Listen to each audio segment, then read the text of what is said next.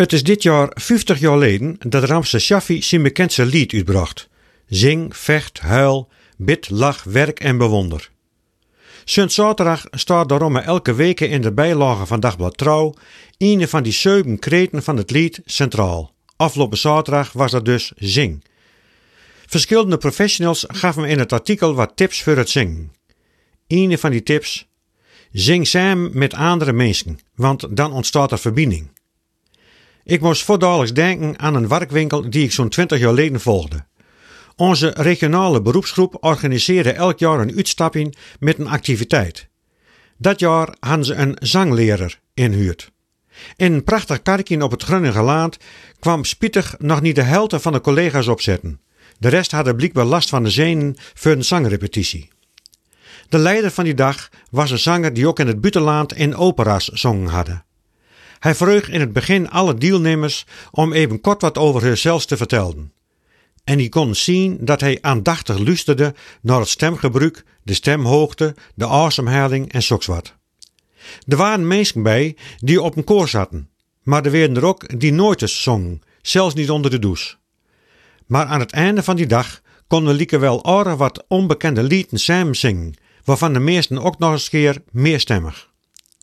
De belangrijkste oefening die we deden, zal mij altijd bijblijven. We moesten twee aan twee staan gaan, tegenover elkaar. Een van de tweeën moest een eigen, niet bestaand deuntje neurien of fluiten. En als de begeleider een seintje gaf, zo na krap een minuut, dan moest de tweede persoon daar zelfs een tweede stemmen bij verzinnen en die de door hen neurien of fluiten. En het voor mij onvoorstelbare gebeurde.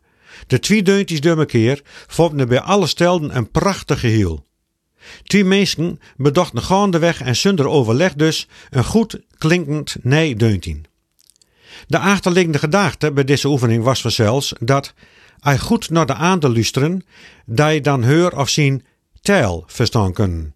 En dan niet de taal die praat wordt, maar de taal van het gevoel, van het harten. En dit voorbeeld uitdrukt in een niet bestaand deuntje. Ook blijkt u deze oefening dat willekeurige mensen keer heel goed aanvulden en aanvulden kunnen. Hij maar de tijd nemen en luister goed naar keer. Een vergelijkbare ervaring had een paar. Dit keer moesten we twee aan twee zitten gaan en dan naast keer.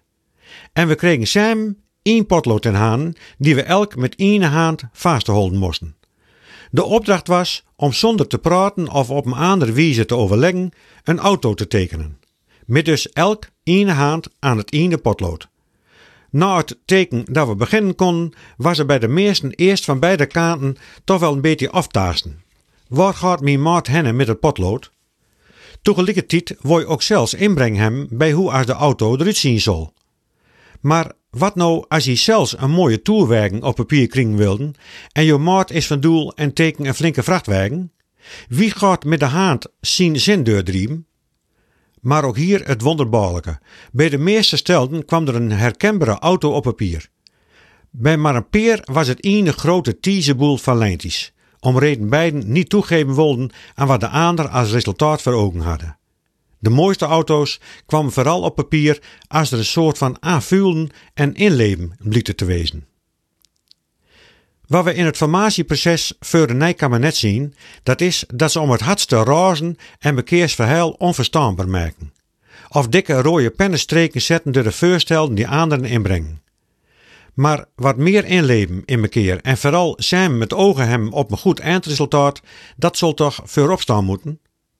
Zal het niet wat wezen en zetten alle fractievoorzitters van de Tweede Kamer bij toerbeurten tegenover elkaar om samen een zelfbedacht deuntje te zingen, of met elk een hand aan één potlood een auto te tekenen? Wie weet hebben we dan na de bouwvak al nieuwe regering.